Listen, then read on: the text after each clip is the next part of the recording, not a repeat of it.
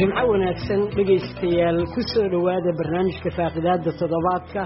Sida aynu ognahay muddooyinkii ugu dambeeyey waxaa dalka soomaaliya gaar ahaan magaalada muqdisho ku soo badanayey xarumaha caafimaad ee sida gaarkaa loo leeyahay kuwaas oo ay ka howlgalaan dhakhaatiir soomaaliyeed oo u taagan inay buuxiyaan baahiyaha caafimaad ee ay qabaan bukaanada soomaaliya. Dhinaca kalena waxaa jirta soomaali badan oo dibadda dalka u aada inay isaga soo daweeyaan cudurro halisa oo aan gudaha dalka wax looga qaban karin. Haddaba maxaa lagu qiimeyn karaa adeegyada caafimaad ee xilligan ka jira dalka? Mase yihiin kuwo buuxin kara baahiyaha caafimaad ee muuqda?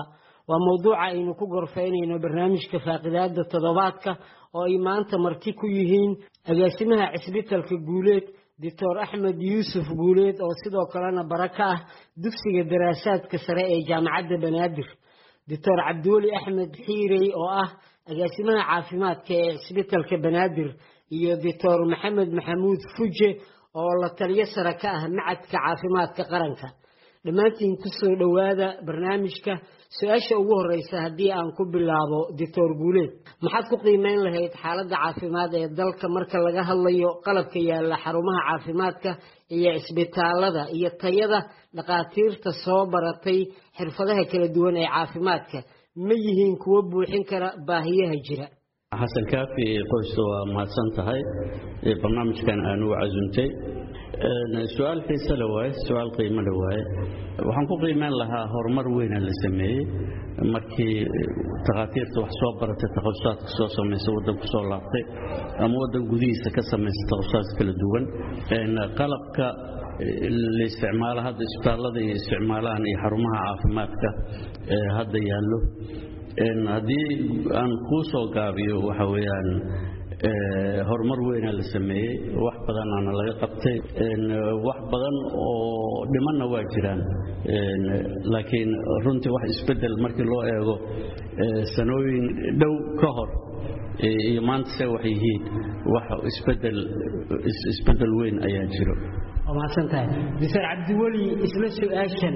Bismi illahi raxmaan raxiim xaskaafi waa mahadsan waana salaama profesor xuja iyo profesor guuleed runtii haddii aniga aan ka hadla ra'yigayga horta sidii profesorku u sheegay cilmibaaris hadda wax ka baxay ma jiraanoo horta lama dhihi karo. Waxaasaa jirta laakiin waxyaabaha tanjibalka anagu aan goobjoogga u naha maalin kasta waxa waaye caafimaadku toban sano ka hor sida aha maahana waxa waaye wax la taaban karaa hadda jira dhakhaatiirta oo soo badatay ha noqoto.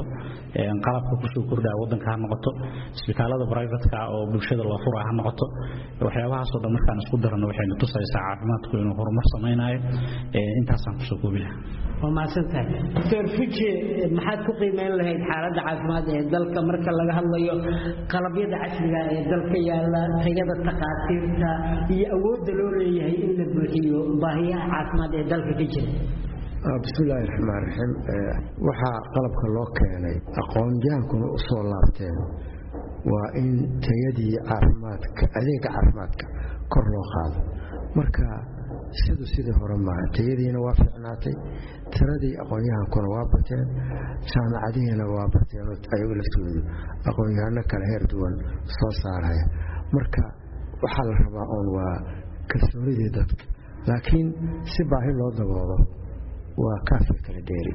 Weli waxaa naga maqan aqoon tiro badanaa naga maqan qalab tiro badanaa weli naga maqan oo keeni karahaya in dadku ay badi bannaanka u dhoofaan. Marka waa run ani markaan gadaal firsho waagii anugu aan dhakhtarka noqday waxaan arki jirnay hal e c g ayaa waddanka dhantaalay qaybta jaamacaddu yaalla wax kula yaalla male maantana isbitaal iyo clinic usan oon e c g ma jirto dad badanoo wada yaqaano akhrinayaana waa buuxa hadda waxaan ka hadlaynaa waa ct scan iyo m r i iyo socda ecocardiography iyo catlab iyo cilmigu waa kordhay aqoon-yahan intaas yaqaana oo intaba samayn karaana waa jiraan laakiin haddana baahidu waa weli waa sii dhimanta. Waa mahadsan tahay. Dad badan oo soomaaliyeed oo waxaa jira xanuunno ay qabaan dartood daawo ugu doonta wadamo dibadda ah oo hindiya ka mid tahay kuwaas oo dhaqaalo badanna ay uga baxaan. Haddaba maxaa loo baahan yahay in la sameeyo si looga baaqsado arrimahaas oo bukaanada gudaha dalka loogu daaweeyo? Cabdiweli aansiiyo runtii waa run dad badan oo soomaaliyeed oo bukaan ah caafimaad dalka dibadiisa way aadaan. Qarashaad badan oo uga baxaa runtii. Laakiin maxaa loo baahan yahay markay tahay? Waxaa loo baahan yahay waxay tahay imkaaniyaadka dibadda loo aadaya in la helo dadka soomaaliyeed dhaqaatiirtooda ku kalsoonaadaan waxyaabaha loo baahan yahay takhasusaadka gaarka ah in helo oo wadanka laga helo hadda dibadda loo aado waa hadda waxyaabaha la taaban karo kansariska iyo waxyaaba la xiriira hadda aad dibadda loogu aadaa.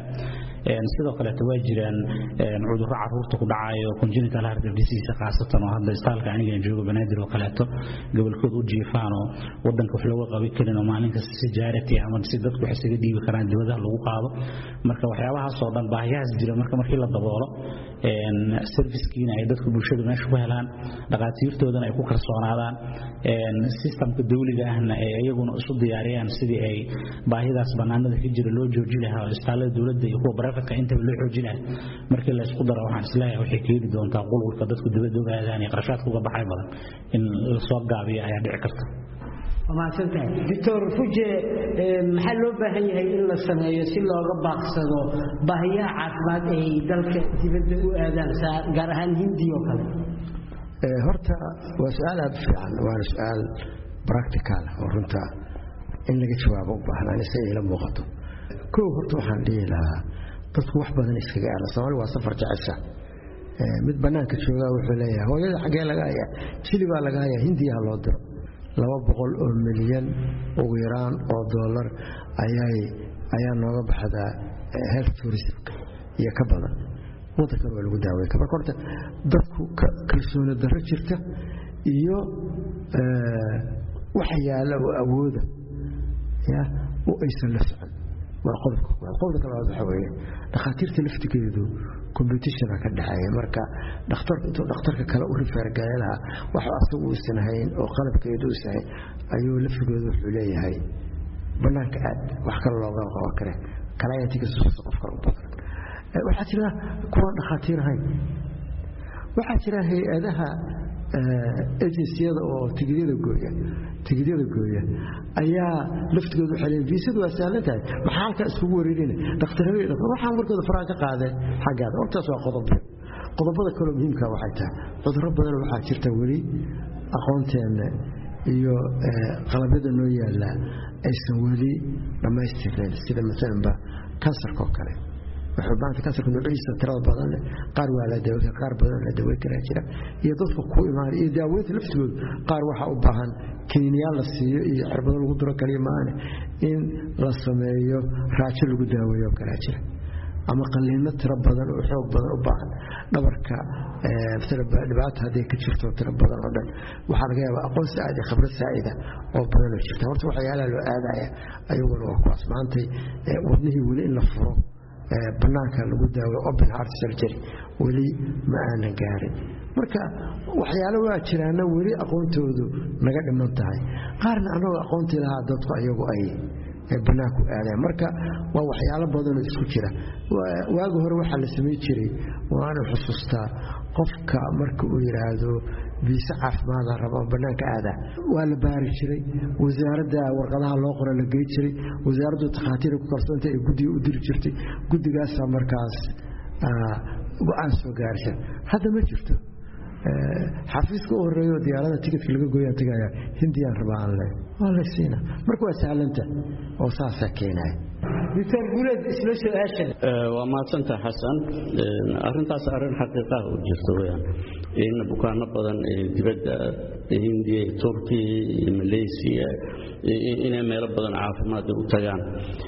Horta laga maarmahay in dibadda la aado. Maxaa yeelay waxaa jirta baahi badan oo xagga caafimaadka oo innaga gudaha dalka aan waxba looga qaban karin. Sida hadda borsof ku jiro carabaabo kale heart surgerygo kale ama macnaha qaliinka wadnaha obinka ama bedelka sambabkoo kale haddii la bedelahayo kale ama beerka haddii la bedelahayo kale ama muxuu sida takhaatiirta hore u sheegeen daaweynta kansarkaoo kale waxyaalahaas oo dhan weli ma aanan helin suurtagal nooma noqonin in gudaha lagu qabto. Laakiin waxaan rajaynayaa sanooyinka soo socdo in dadkii aqoonta u lahaana ay soo baxhayaan takhaatiirtii qalabkii lagu baari lahaa ama wax lagu qali lahaa ama diagnosi lagu samayn lahaana in la helahayo. Marka maxaa la samayn karaa? Waxaa la samaynhayaa in takhaatiirta lagu dhiirigeliyo waxyaalahaas naga dhiman inay soo bartaan. Marka in la dhiirigeliyo somali medical association ama jaamicadaha inay dhiirigeliyaan in dadka takhaatiirta inay aadaan fildigaas bannaan oo loo baahan yahay oo waxtarkana wadanka ule ayagana waxtar u leh bukaankiina looga maarmi karo berrito in dibadaha ay aadaan. Marka waxa in dhakhaatiirtii wacyigelin loo sameeyo dhiirigelin loo sameeyo qalabkii muxuu ahaa la keeno. Doctor fuje maxay yihiin cudurrada ugu halista badan ee aan dalka waxba looga qaban karin ee ay qasab tahay in bukaanada soomaaliyeed ay dibadda u aadaan? Mase jirtaa ilaa iminka howlwadeenno caafimaad oo dalka ku soo kordhiyey qalab caafimaad oo aan horay u jirin. Bismillaahi raxmaan raxiim waa su'aal kaloo iyadana culus. Inta hadda aan aniga profesor axmed aan sheegnay oo ah transparentiga maalanba sambabka keliyaha beerka isha ka soo qaad waxaa aragtid waa waxyaalo maqan. Open heart surgeryga wadii la qalaay kansarka daaweyntiisa waa wax badan laakiin hadda waxaan ogahay wax badanaa isbedelay laftigeeda hadda hadda lafaha simaha waa la bedelaa jilbaha waa la bedelaa awal aqoontaasi ma jirin fakhaatiir badan oo awoodii iyo qalbkii laha yimid. Waxaa hadda jirtoo kale catlabka catlabka meelo badana hadda laga sameeyey difra laga sameeyey redsia laga sameeyey waxaan malaynayaa horseed waa dad badan oo ordaayaa jira. Haddana ku soo qaada waxaan ogahay maanta in isbitaal erdogan ama digfar la jiray ay keenayaan open heart surgery alaab meeshu diyaarsheen. Dadkii iyo tiimkiiba ay diyaar yihiin. Oncology center inay samaynayaan oo iyadana ay diyaar yihiin. Waan ognahay laakiin waxaa ka wadaa cilmigu waa badan maalin waxaan ku farxay. Nin oo lafaha xiriirka dhabarku ay qaar bannaanka u soo baxeen oo jajabi rabeen. In difar lagu qalaan ogahay oo saddex lafood la qalay oo ninka socda nin waayeelu ah oo socda ordahayo salaadiisa tukanaya marka qalabyada iyo aqoontu intuba waa jiraan aqoonta waa la gataa. Waxaa aniga ii diidahayaa haddaan project isbitaal samaysto inaan ragga hindiya hadda la aadaayo dhammaantood aan contract ku keensado oo ay qalimada ii sameeyaan oo ay daawooyinkaas qabtaan tagaan isa soo bedelaan waxaa diidaha male. Marka laftigoodu waa soconnaa laakiin hindiya iyo turki iyo ma gaarin weli waase cagacagaynana sida aragno. Labaatan sana noo qabto cagacagaynana insha allah. Waa mahadsantahay doctor guule maxay yihiin cudurrada ugu halista badan ee aan dalka waxa looga qaban karin ee inta badan dibadda loo aado? Cudurrada dibadda loo aado waxa lafa bedelka ama laf dhabarta ha ahaato in lafa laga qalo ama jilbaho la bedela ama simaho la bedelahayo beerka xanuunada beer ku dhaco ama beerku la bedelahayo sambabada keliyaha la bedelahayo macnaha waxaasoo dhan waxa waaye intaan hore u soo sheegnay waa badan yihiin waa fara badan yihiin kansarada noocyada kala duwan. Waxaasoo dhan waxa waaye cudurro ilaa hadda haddii daaweynteeda aan la helinna mustaqbalka dhow la heli karo. Laakiin waxaa suurtagala in diagnostiga ama cudurka wuxuu yahay soo saaritaankiisa inay hadda suurtagal ay tahay. Qalabka la haysto oo ct skanka ama mri-ga ama laabka dhicanada la baarahayo oo laabka laboratoriga lagu baarahayo inay suurtagal ku noqonaya waxaasna waa wax hadda la keenay iyo dadkii cilmiga u lahay takhaatiirtii ama shaybaaraya soo barteen. Laakiin in camaliye ahaan operationska in la qabto dhakhaatiirtii qaban lahayd inaan la haynin laakiin in takhtarkii ama isbitaalkii ay soo saaraan ay yidhaahdaan cudurkaasaad qabtaa. Cudurro badan in la bedelo jilbaha lagaa bedela u tahay in simanka lagaa bedela u tahay beer cusubaa u tahay sambabkaada sambab cusubaa u tahay wadnahaada waxa qalliinu u baahan yahay. Inaan heli karro hadda qalabkii lagu samayn lahaa diagnoska waddan gudihiisa laakiin shaqadii la qaban lahaa inay naga dhiman tahay iyadana waa la gaarahayaa. Hadduu ilaah yidhaahdo waa lagu socdaa doctor cabdiweli horta anigu intaan ogahay badanaa waxyaabaha dibadda loo aado cudurrada ugu badan oo hadda dadku dibadda u aadaan barsoorradan waa ka dhawaajiyeen. Laakiin anigu waxaan ku daraa waxay tahay hadda badanaa waxa loo aado waxay tahay fertilityga. Dadka laga saxaayo IVF-ka ay u baahan. Dadkaas waana kuwa ugu badanaa hadda hindiya iyo meelahaas loo aadayo loo dhooban yahay. Waxaa kaloo jira annaga aragnaa maalin kasta cases ah acute failure ilmaha yarka oo develop gareeya oo toddoba sano ka yar Soomaaliya wax looga qabanaa maana xataa dialysis ma qabanayaan xarumaha leh marka ayaga laftirkooda waxyaabaha dibadda loo aadiyo ku jiraan kuwa kalena waa kuwii barosarada hore u sheegeen oo wadnihii iyo keliyii iyo beerkii iyo kurtigood kuwaasoo ayaga laftirkooda u baahan in la wada bedelo ama meel furneed la xiro. Marka runtii cuduradaas waa wax bannaanka loo aadayo waana duruufo jira wax lagu aadayo iyagana waxaan rajaynaynaa insha allah in duruufahaasi mar dhow laga soo qabsado oo daraskii ay barosar oo darasteen. Aan dhinacayga ka ahay ama toban sana ha qaato ama labaatan sana kulleyta waxaan rajaynayaa siday ku socoto markii la fiiriyo. Iyo soomaalida imkaaniyaadka ay soo gadanaya qalabka la keena ama ganacsato ha keentay ama dhakhaatiir ha keentay inay isbeddel insha allah altaabo kale ay dhici doonto. Dhegaystayaal haddii aan idin xusuusiyo intiina dhowaan nagu soo biirtay weli waxaynu ku dhex jirnaa barnaamijka faaqidaada toddobaadka oo aanu ku eegayno heerka ay marayaan xilligan adeegyada caafimaad ee dalka ka jira iyo siyaabaha lagu buuxin karo baahiyaha caafimaad ee taagan. Waxaana barnaamijka marti ku ah oo ka qayb qaadanaya agaasimaha cisbitalka guuleed doctor axmed yuusuf guuleed oo sidoo kalena bara ka ah dugsiga daraasaadka sare ee jaamacadda banaadir. Doctor cabdiweli axmed xiirey oo ah agaasimaha caafimaadka cisbitalka banaadir iyo doctor maxamed maxamuud fuje oo la taliyo sare ka ah macadka caafimaadka qaranka. Aan u soo laabta barnaamijka. Meelo kamida gobollada dalka iyo caasimada muqdishoba waxaa ku soo badanaya xarumo caafimaad oo cusub kuwaasoo qaarkood ay furteen dad aan ehel u ahayn caafimaadka ama aan ahayn dhakhtar buuxa. Dad badan ayaa fayl u gala xarumahaasi waxaana dhacda halkii ay caafimaad raadinayeen inay waxyeello kala kulmaan haddaba arrimaha noocaasa maxaa ka dhalan kara? Sideese looga hortegi karaa ansiiyo doctor guuleed xasan waa mahadsan tahay.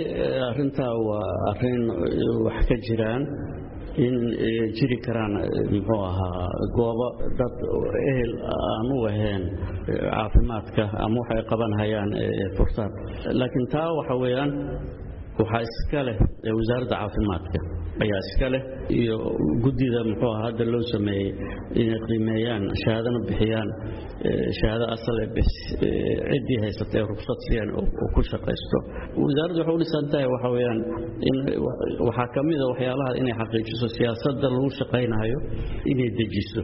Marka goobahaas wasaaraddan u dhaafayna ururka takhaatiirta soomaaliyeed i think waa ka tala bixiyeen markastana waxay u taagan yihiin in la saxo si loo badbaadiyo bukaanka soomaaliga in dhibaato aysan u imaanin waa la daaweynaya inta la yidhaha inaysan dhibaato u imaanin oo helo daaweyn saxa marka ururka takhaatiirta soomaaliyadna waxaan filahayaa haddaysan hadda ka horna aysan aysan samaynin inay samaynayaan ku tala jiraan in wasaaradda ay tala ka siiyaan sidii loo samayn lahaa.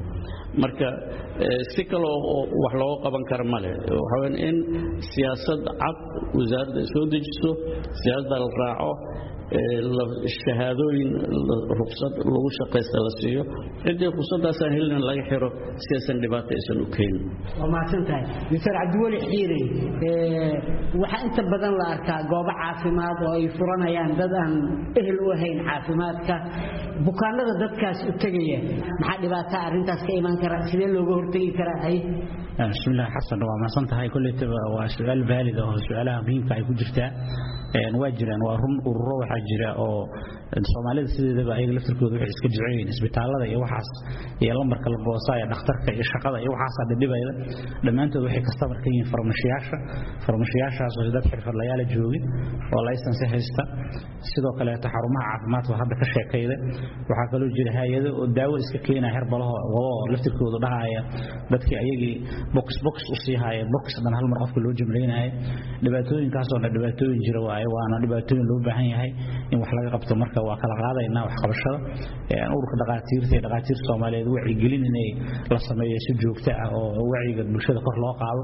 Waxyaabahaasoo kaleeto ay yihiin waxyaabaha dad keliyaha ku fariisanayaan diyaaliska iyo balaayada ay ugu baahanayaan gurtigood maadaama aysan jirki karin dad keliya wada fadhiyaan sida hadda markii loo fiirsho. Marka in looga wacigeliyo dhibaato naftooda aysan u geersiinin dadka ehelka waa caafimaadka ay soo aadaan iyo xarumaha caafimaadka la hubiyey ururka mihnalayaasha qaranka ee hadda wasaaradda caafimaadkana ayagana waxaan ku boorin lahaa ururka dhaqaatiirta iyo dhaqaatiirta soomaaliyeed oo dhan inay dedejiyaan habkii laysansiga loo bixi lahaayee. Dadka xirfadlayaasha ay shahaado ku heli lahaan lagu shaqeeyo ama farmashi ha joogeen ama neersin ha noqdeen ama dhaqaatiir ha noqdeen dadkii mihnalayaasha dadka u adeegayay ay laysansi qaataan dadka aan xirfadlayaasha ahayn ummadda laga qabto oo wasaaradii iyo ururka mihnalayaasha iyo dhammaan advocate-ka dhaqaatiirta la qaato la xoojiyo waxaasoo dhan oo wax laga qabto. Dadka businesska ka raadaya waxaan dhihi lahaa iibaanka allah idin gelshay dadka naga laynida waa mahadsanteen doctor fujay isla su'aashan? Wadan hadduu burburay adeegiina waa waa burburaya sharciga waa burburaya aqoonta waa waxa le wixii bulshada la xiriiro dhan waa burburaya. Sidaa daraaddeed waxaa jiraya had iyo jeer dadka faa'iidaysanaya oo xaaladaas jirta ayagu ku tijaar ku noqda maal ku samaysta masab iyo magacna ku gaara. Dadkaasaa jira. Marka weli shuruucdii waa jirta waxaan ogahay in hadda shuruucdii wax looga qabanaha waa jirtay laakiin fulintiyaa weli naga maqan hay'adda xirfadleyda caafimaadka soomaaliyeed waa jirtaa guddiga waa samaysan yahay. Haykalkiisa oo dhan waa jira. Laakiin yaa fulinaya waa qodob meesha yaalla. Qofka aan dhakhtarka loo aqoon oo aan dhakhtar ahayn oo soo marin yaa qabanaya sharciga qaba waa jira ayaa soo qabanaya waa problem jira wey hadda kahor waxaan xasuustaa nin aniga baabuurka ii wadi jiray ayaa wuxuu sheegtay inuu dhakhtar yahay weli masaxda qaba xayisiintiisa tiro badan la maqlaay maalinta baan anigu ku in dhakhtar goona soo noqdo libyaan aadoo ka qaatay shahaadada. Markaasuu ma tusaa boorsiisi tafuray ma yahay tusanay waxaan ka cabsaday inuu barsalo la baxdo. Su'aashaada maxaa ii keenay? Cabsidaasaa weli jirta. Waxaasaa bulshada markaan joogay daawooyinkaan nidha aan baarno daawooyina suuqa tagna waa ka baarnay. Waxaan ogaanay inay feeg yihiin yaa u sheegnaa? Ninkii aan ka soo qaadna maa u sheegnaa? Oo shirkadda keeni jirtay? Biliiska maa u sheegnaa? Cidaan u sheegnaa garaweyn nafteenaan wax habsannay. Marka waxaad jirta sharciga fulintiisaa weli maqan. Maalin kasta waad maqlaysaa waxaasa iska jira. Marka horta qofka aan dhakhtarka ahayn ee meelaha inta furta beenta sheegaya cimrigiisu waa gaaban yahay. Marka khaladaadkiisana waa badanaya oo dadku markay arkaan waa ka leexanaya. Side effectska daawadii lama yaqaano. Korshe daawahayo bac weelaa loo buuxshay keliya waa fariisteen gaasaa ku dhacay alerjiyaa ku dhacday. Markaasuu dhakhtarkii aadaya markaas kadib mar dhibaato gaartay. Marka waa run wacyigelin waa loo baahan yahay shuruucda wadankana in la hirgeliyaa loo baahan yahay laakiin midoonagow wax anaga kow nagu ah maaha waddan kastoo burburay sidaasaa haysata doctor cabdiweli haddaad tihiin dhakhaatiirta soomaaliyeed ee sida joogtada xarumahooda caafimaad bukaanada u yimaadaan waxaa inta badan laydinku xantaa filay xantiisma moogaa lahay inaad dadka lacag ka samaysaan oo aad qaadataan lacago laakiin bulshada aynan wax ku soo celin. Maxaa diidan in jadwalkiina shaqo aad ku darsataan maalmo gaara oo dadka taagta daran ee aan dhaqaalaha haysan ama aan awoodin ama barakacayaasha? Aad si lacag la'aan ugu daaweysaan bismillahi raxmaan raxiim horta anigu istaal publiga ka shaqeeya. Ma aaminsanin runtii dhaqaatiirta horta xarumaha privatka horta laftirkooda culayskooda haysta. Shaqaalay leeyihiin dhakhtaray leeyihiin kurtigooda leeyihiin dowladna wax kama dacmido. Marka waxay ku qasbayeen inay dadka u adeegaan dadkuba haddeertan sidii hadaayitan ka dhawaajeen hindiya ay waxay ku bixiyaan lacag aad u fara badan. Xarumaha caafimaadka hadda jira privatka ahna ayagaa public private partnershipska markii loo fiiriyo servicekay qaadaan iyo khidmadda ay qaadaan iyo servicekay bulshada u qabtaan isma lahan. Waxaan is leeyahay aniga waxaa badan serviceka bulshada loo qabtaa ka weyn khidmadda loo qabto. Markii loo fiiriyo waddamada anaga nagu hareeraysan ama kuwa safarka loo aado intaba marka waa jiri karaan dhaliilahaasoo dhaqaatiirta waa qaban karaan dhaqaatiirta senioriska ama waaweyn ama takasusaad kale. Maxay xilliyada gobol istaalada brivatka publiga ah? Brivatka waaba lagu arkay. Saacadaha gobol maxay ugu tacaawuni waayeen dadka publiga u fariisa waayeen eedaas dhaqaatiirta waa qaban kartaa laakiin waxaan is leeyahay khidmaday qaataan darteed eed kuma qaban karto su'aasha dhaqaatiirta soomaaliyeed inta badan waxaa la yidhaahdaa lacagay qaataan laakiin bulshada kuma soo celiyaan. Waxaa jira dad badan oo dhibaataysan ama qalliimo u baahan ama daawooyin nooc kale u baahan laakiin aan awood lahayn oo lacagaysan maxaa diidaya in dhaqaatiirta sida joogtada ah loogu yimaado xarumahooda caafimaad? Inay maalmo gaara u sameeyaan dadka taagta daran si ay ugu samafalaan waa su'aal fiican waana eed la qabato waay laakiin waa ka jawaabaynaa ururaan leenahay ururka dhakhaatiirta soomaaliyeed waxaan u malaynayaa gurmadyada ay sameeyaan cid samaysaa inaysan jirin lacagaha la iska aruursho diyaaradaha la raaco daawooyinka la keeno wakhtiga lagu baxso meelaha in la aado in la sheegay u baahanta. Waxaan aaminsanahay oo kale nin dhakhtarihi maanta oo soomaaliya haddii qof inta hortiisa yimaado lacag haysto inuusan gadaal u celinayn waxaan ogahay anigu waxaan samay jiray maalin dhan baa waxaa yidhi waa lacag la'aan. Intaas si aan dadka aan lacagta lahayn loogu sameeyo. Amar waxaad siinaysaa shaqaalahaaga qofkii yidhaahdaa wax ma haysto soo daaya marka in xarun la tago iyo inaad taada ku samaysid waa isla sidii gurmad culus markuu dhacana inaan ka qayb galno ammaan aan ku helno ninta dambena dhowr boqol oo doolara la iscaruusha marka la yidhaahdo waxaa jira fatahaadda beledweyn waxaa jira baardheer kuwii dambeeyey gadaal ugu laabo niyadiyadu waxay qortay iyo waxay samaysay intaasba waa dhakhaatiir intaasba waa samafal. Marka fiqitolkiis kama janno tago ummadeenniyaan ku dhex jirnaa ummadeenna waxbaan u qabanaa waxayna la qaybsan gartana qabataa waxay tahay isbitaaladka bablikada ah. Maxaa u tagi weyse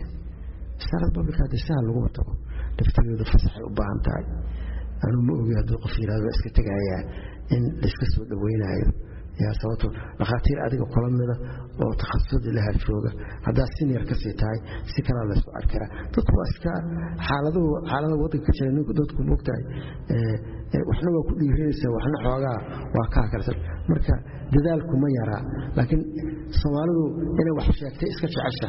Iyagoon kaa warqabin ee iska kaa nimaan kaa warqabin kaa warbixinaya siduu kuu arko kuu sheegaya sadaqa waa lala baxaa aan u malaymaayo isbitaal aan sadaqa laga bixinayso dhakhaatiir qalliin samaysaa jirta qofkan aan shiri laga qaadin. Waa mahadsantahay doctor fuje anuu maado doctor guuleed. Doctor guuleed haye. Xasan waa mahadsan tahay waa su'aal meesha ku jirta in laga jawaaban mudan. Horta haddii la yidhahdo takhaatiirta lacag iska gurataa aniga ma qabo arrintaa inay sax tahay inta badan.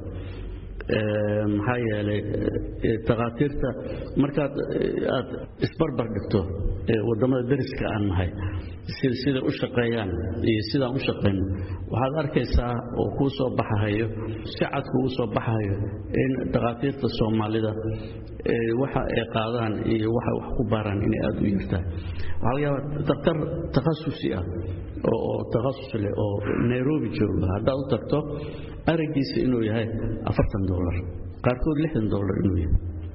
Meesha dhakhtarka halkan jooga lix dolar ama kan ugu badan oo toban dolar uu qaato aragiisa dhakhtarkii waxa weyaan keligiis ma shaqaynahayo. Markuu isbitaal joogo kale private uu joogo. Intaasoo nersaa joogto intaas lab technician joogto intaas dhakhaatiir kalea joogto intaas farsamadii kale iskaankii ultrasoundkii dadkii isbitaalistaha wuxuu qabanahayoo dhan.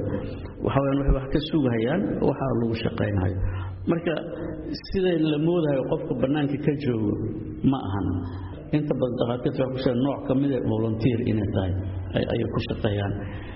Midda la leeyahay maa la sameeyo maalmo mucayan maalin kastaan samaynaa maalinta ugu yaraato toban dhowr iyo toban qofaan bilaash ugu shaqaynaa shebaara loo diraa lacag ma haysto. Halofirya loogu sameeyo.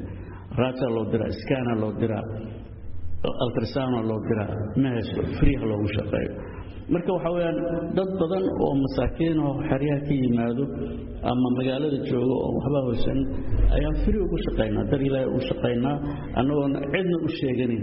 Ugu dambayntii doctor fuje maadaama aad ka mid tihiin dhammaantiin dhakhaatiirta ugu magaca dheer dalka muddo badan soo shaqaynayey maxay tahay taladiinna ku aadan sidii loo horumarin lahaa caafimaadka dalka ee aad u soo jeedin lahaydeen guud ahaan bahda caafimaadka oo ay ku jirto wasaaradda horta horumar markii laga hadlaayo caafimaadka waa arrin bulsho waay. Sidaa daraaddeed waa roolka wasaaradda caafimaadka. Wasaaradda caafimaadkana dadaal kuma yaraa. Marka haykalka caafimaad in la hagaajiyo shuruucyaha caafimaadka daryeelayana in la hagaajiyo la fuliyo in tababaro badan kaadiriinta caafimaadka oo kor loogu qaadayo aqoontooda la sameeyo wacyigelin badan oo bulshada la socota in la sameeyo tallaalka in meel walba uu yaalo. Dadkana ay fahmaan in tallaalku yahay ka hortaga cudurrada tusaale yaraa soo qaaday dadku waxaysan ogeyn. Cudurro kansar ah oo dadka ku dhaca oo tallaalka looga hortagaa jira. Haddii qofka tallaalka u qaato cudurkaas kansarku kuma dhacayo waana kuwa ugu daran ugu khatar badan wadankeena sida maala kansarka beerka oo kale oo hebataas biiga u keeno tallaalu leeyahay hebataas waana yaallaa waana lacag la'aan in la qaatay u baahanta. Kansarka ku dhaca minka afkiisa cervical cancer ya tallaalu leeyahay. Tallaalkii waa yaalla waa la heli karaa. Marri waa la keeni doonaa insha allah barri haray ku soo jiraan. Shubanka koleerada rotaviruska tallaalay leeyihiin haddaan ku sii daro xiiqdheertii tbda gowracatada teetanaha dadkii ma qaadanayaan markaasaa maalinkaas waxaa lagu keenayaa dad cudurrada marka waxaan rabaa wacyigelin xoog badan in la sameeyo. Bulshadana waxaan ka codsan lahaa bulshada inay dhagaheeda furto. Oo ay macluumaadka la siinayo ogaato wasaaradda caafimaadka marka iyo inta la shaqaysaana waxa weye health systemka wadanka lixdiisa billion brocks in la hagaajiyo oo lagu dhaqaaqo oo ay meel walba u gaaro caafimaadku dad waxaa arkaysaa rug caafimaad aan lahaynoo say rug caafimaad u tagaan saddex maalmood lugeynaya ama rabti lagu qaadayo dhimashada caruurteenna iyo dhimashada hooyooyinkeenna arkay jiraan. Adduunku waa meelaha ugu khatarta badane soomaaliya ka mid tah waxaasoo dhan ma ahan inaan aqoonti jirin. Aqoonti waa jirtaa laakiin infrastructurekii ma jiro marka shaqo dheeraa noo hartay inaan dadaalnana waarta dhaliishaasna waa dhaliil macquula oo la ogol yaha waay. Doctor gureed maxaa kale ah bahda caafimaadka u soo jeedin lahayn guud ahaan si loo horumariyo tayada caafimaadka soomaaliya? Maxaa lagu talin lahaa? Dabcan waxa weyaan markii la yidhaahdo see loo horumarinayaa caafimaadka. Waxaa iskale dabcan takhaatiirta doorkooda waa iska gaaban yahay.